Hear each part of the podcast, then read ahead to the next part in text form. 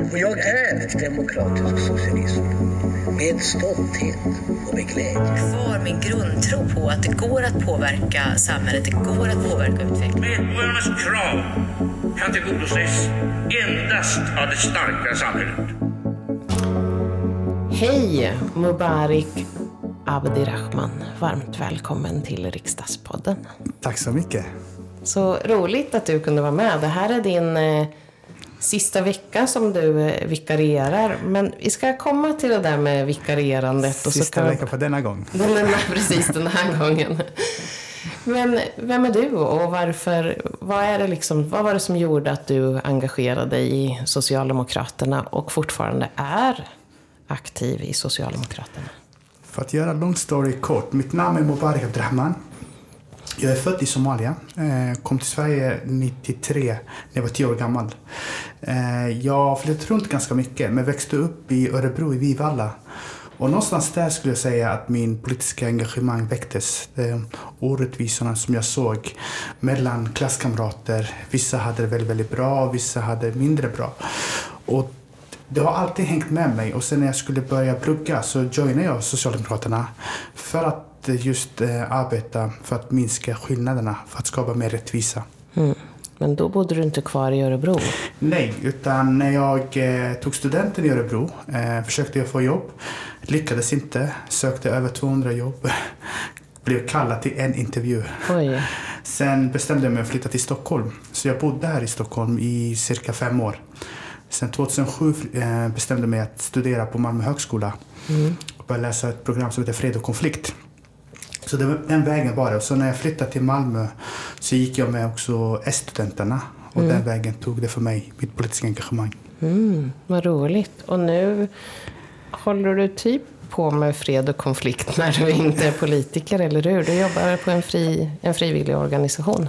Det stämmer. Eh, när jag slutade plugga så fortsatte jag med olika jobb. Eh, Började först jobba med ensamkommande barn. Eh, och sen har jag också jobbat för Socialdemokraterna, partidistriktet, under en kort period. Eh, och sen idag jobbar jag på Röda Korset eh, som verksamhetsutvecklare. Men jag är också politiskt aktiv i Malmö där jag sitter i kommunfullmäktige och kommunstyrelsen. Eh, jag sitter också i grundskolenämnden och brinner väldigt mycket för skolfrågorna. Mm, jag tänkte, det, har det alltid varit så att skolfrågorna har varit viktiga för dig? Eller har det blivit mer så på senare tid? Eller? Det har blivit på senare tid skulle jag säga. Eh, Min största intresse för politiken från början var mycket internationella frågor.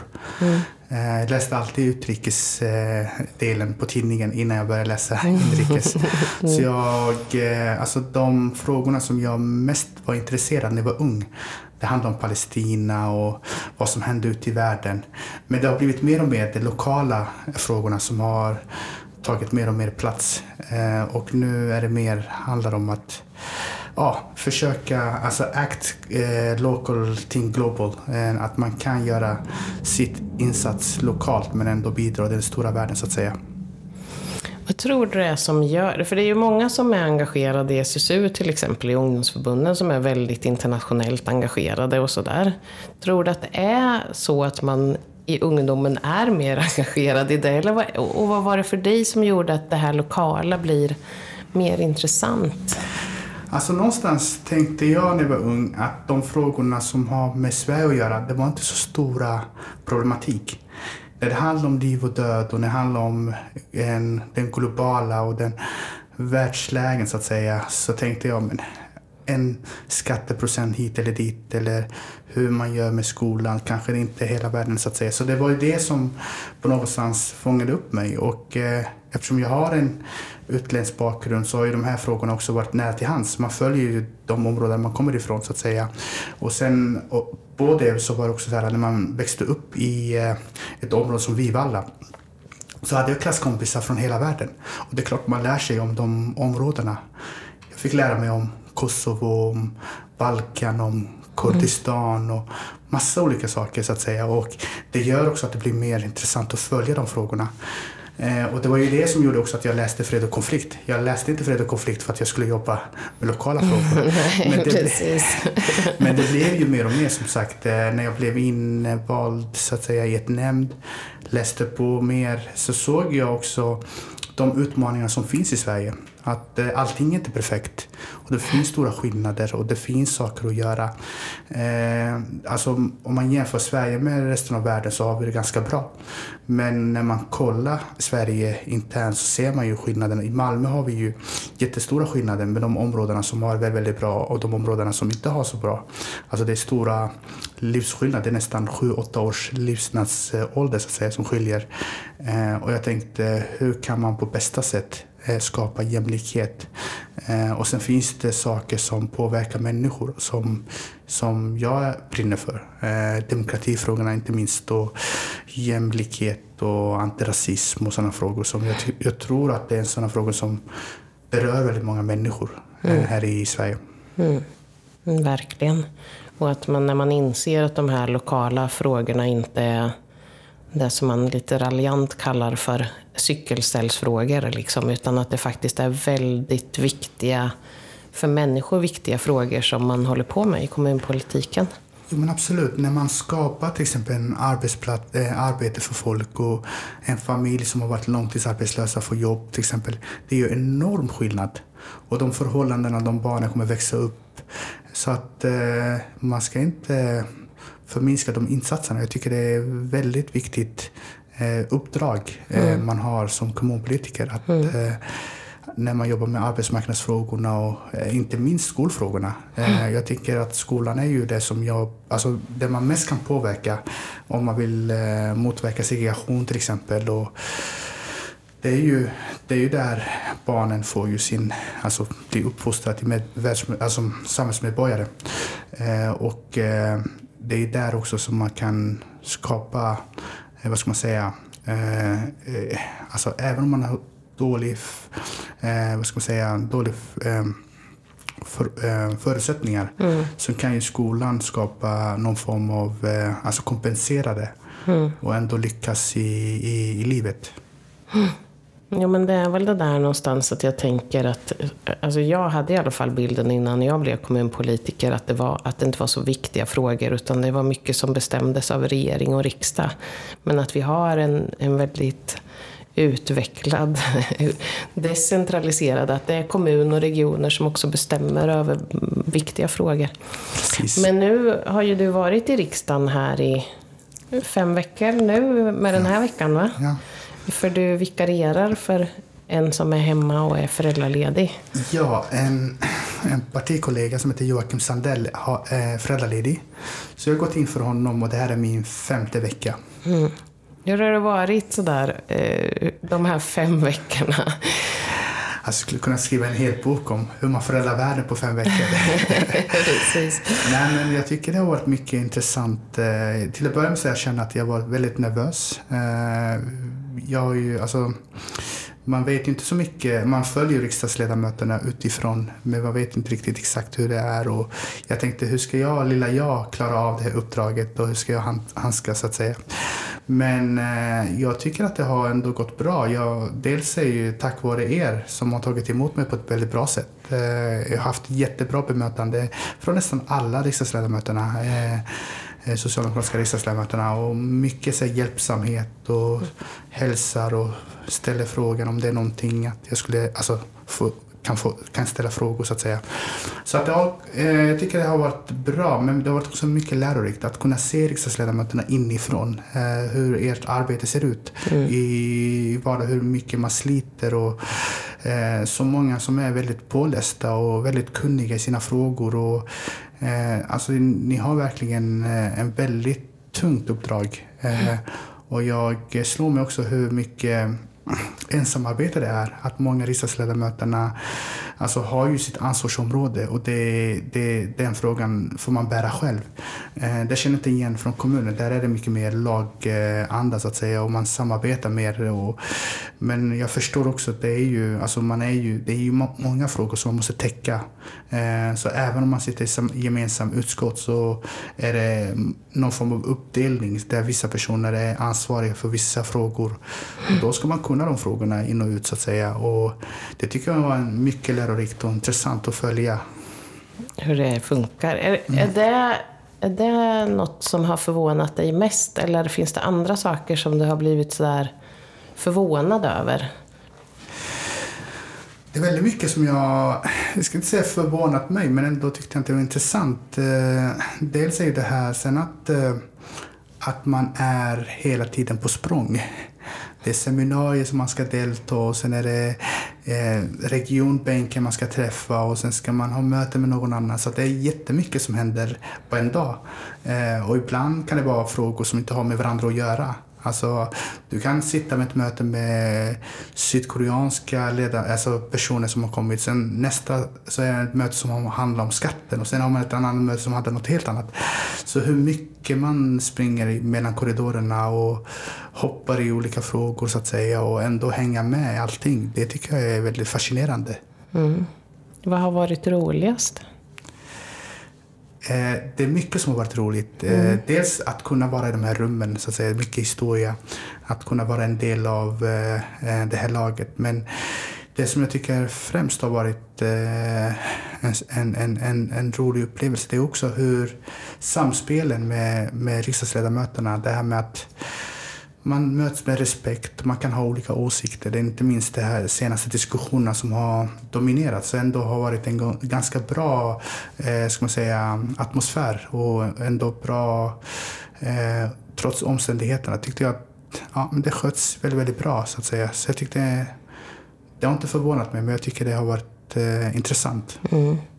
Vad tänker du nu då? Det, det är liksom när, när det här vikariatet. Vad tar du med dig och vad, vad känner du ska bli den stora skillnaden när du kommer tillbaka till kommunpolitiken och till ditt liv hemma i Malmö?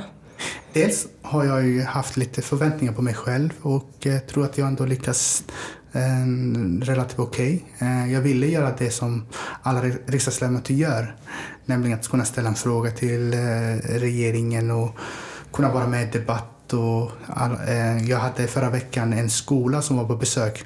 Så jag tog hand om dem och visade runt lite och svarade på frågor. Jag tänkte det är som riksdagsledamöterna får göra. Så det känner jag ändå är ganska nöjd med det. Men det jag tog med mig det är ju att dels tillgänglighet många riksdagsledamöter ändå är, trots att de har så mycket att göra.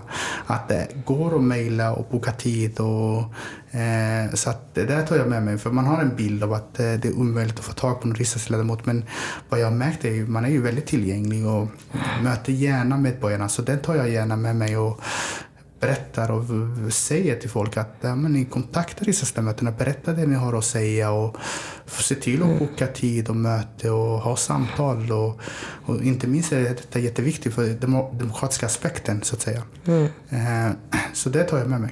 Mm. Du kom ju in i, i finansutskottet. Eh, och har också, eller hur, haft ansvar för en del ganska svåra frågor, eller hur? Hur, hur har det där liksom känts? Hade du du kanske inte skulle ha valt att sitta i finansutskottet, för det är ju så när man vikarierar så, så kommer man ju in i det utskott som, för, som den är som man vikarierar för och så. Hur har det? Precis, och eh, jag har förstått att finansutskottet är det tyngsta utskottet i riksdagen. Mm. Eh, nej, men det har varit, eh, jag måste erkänna att det har varit väldigt svårt. Eh, mm. Det är ju massa olika frågor som kommer in. Allt från eh, försvarfrågor och skattepolitiken och bistånd. Alltså det, måste, alltså det, är flera, det är ju ganska brett. Eh, så att jag tycker det är ändå imponerande på er som har ändå koll på de här sakerna.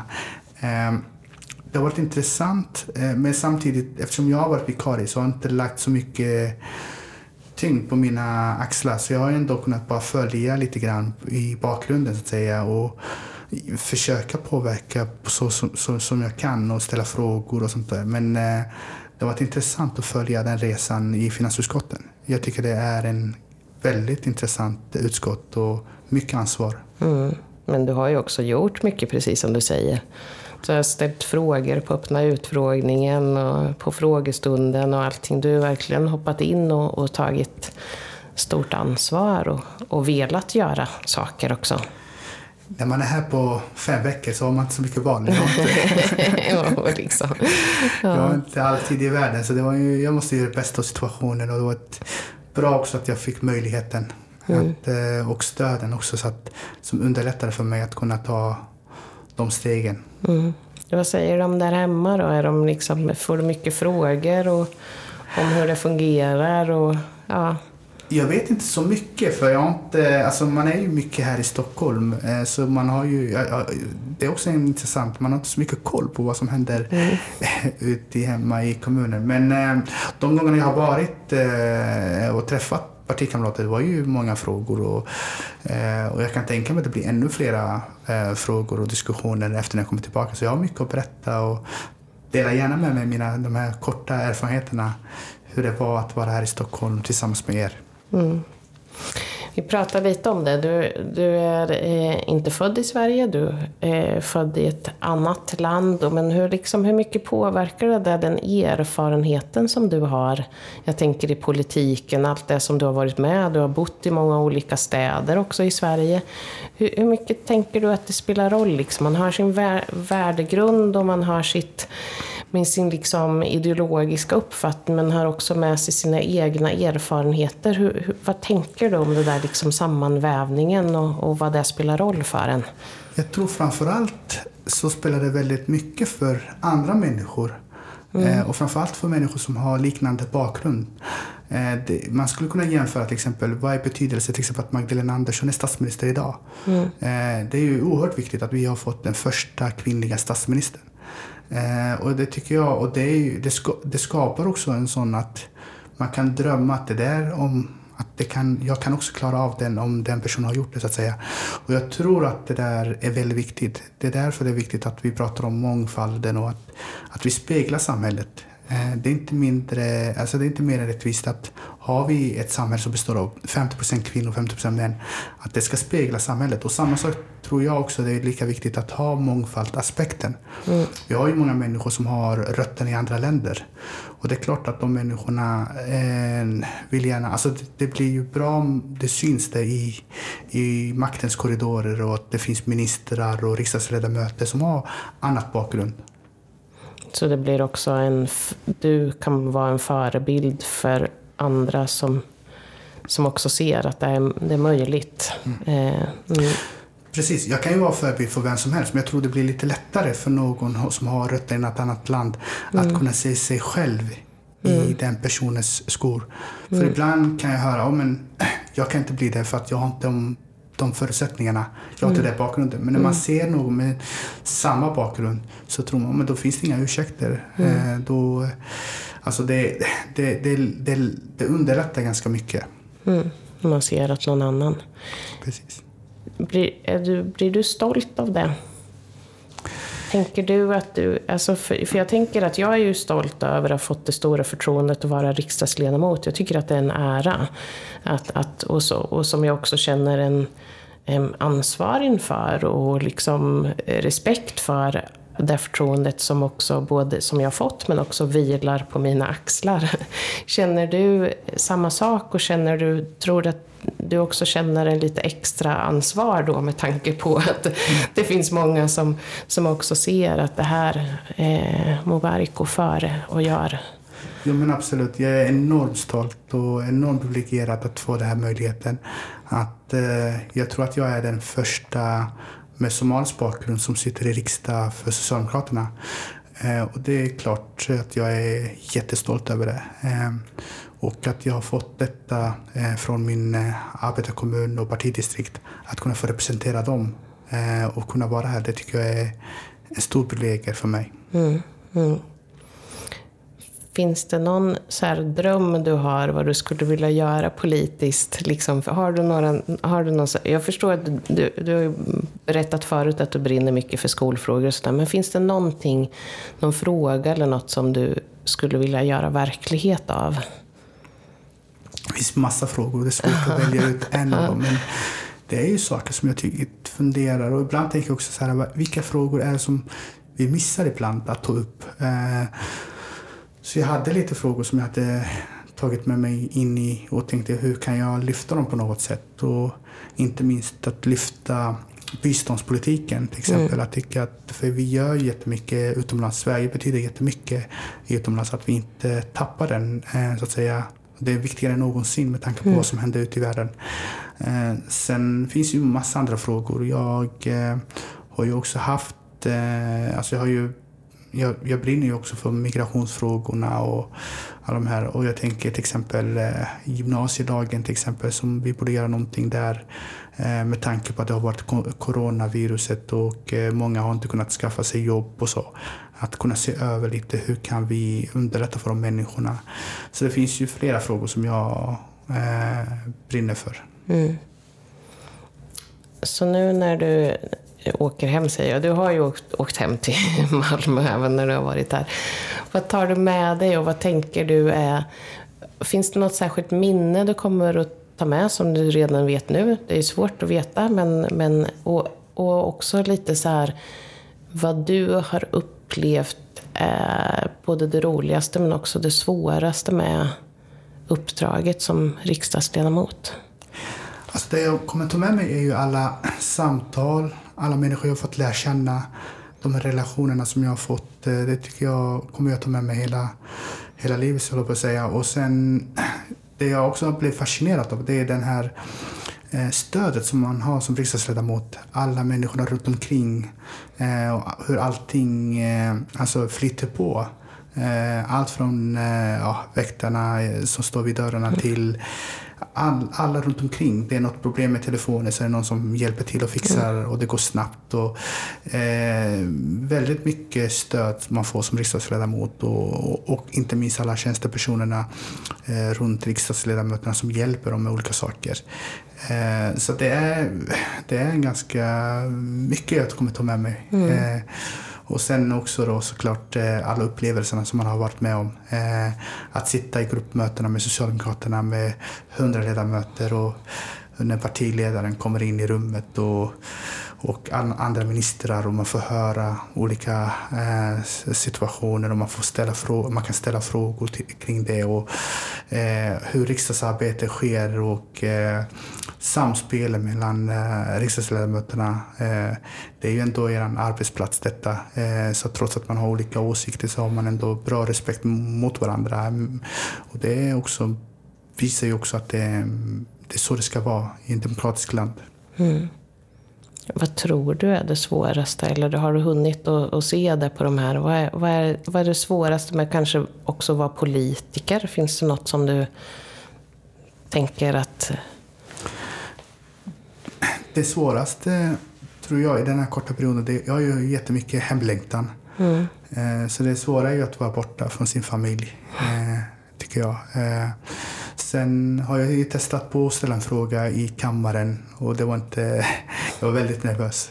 Så det måste också vara något av de svåraste, att kunna stå där i talarstolen och ta debatter och kunna hålla en anförande när hela, det känns som att hela världen tittar på en.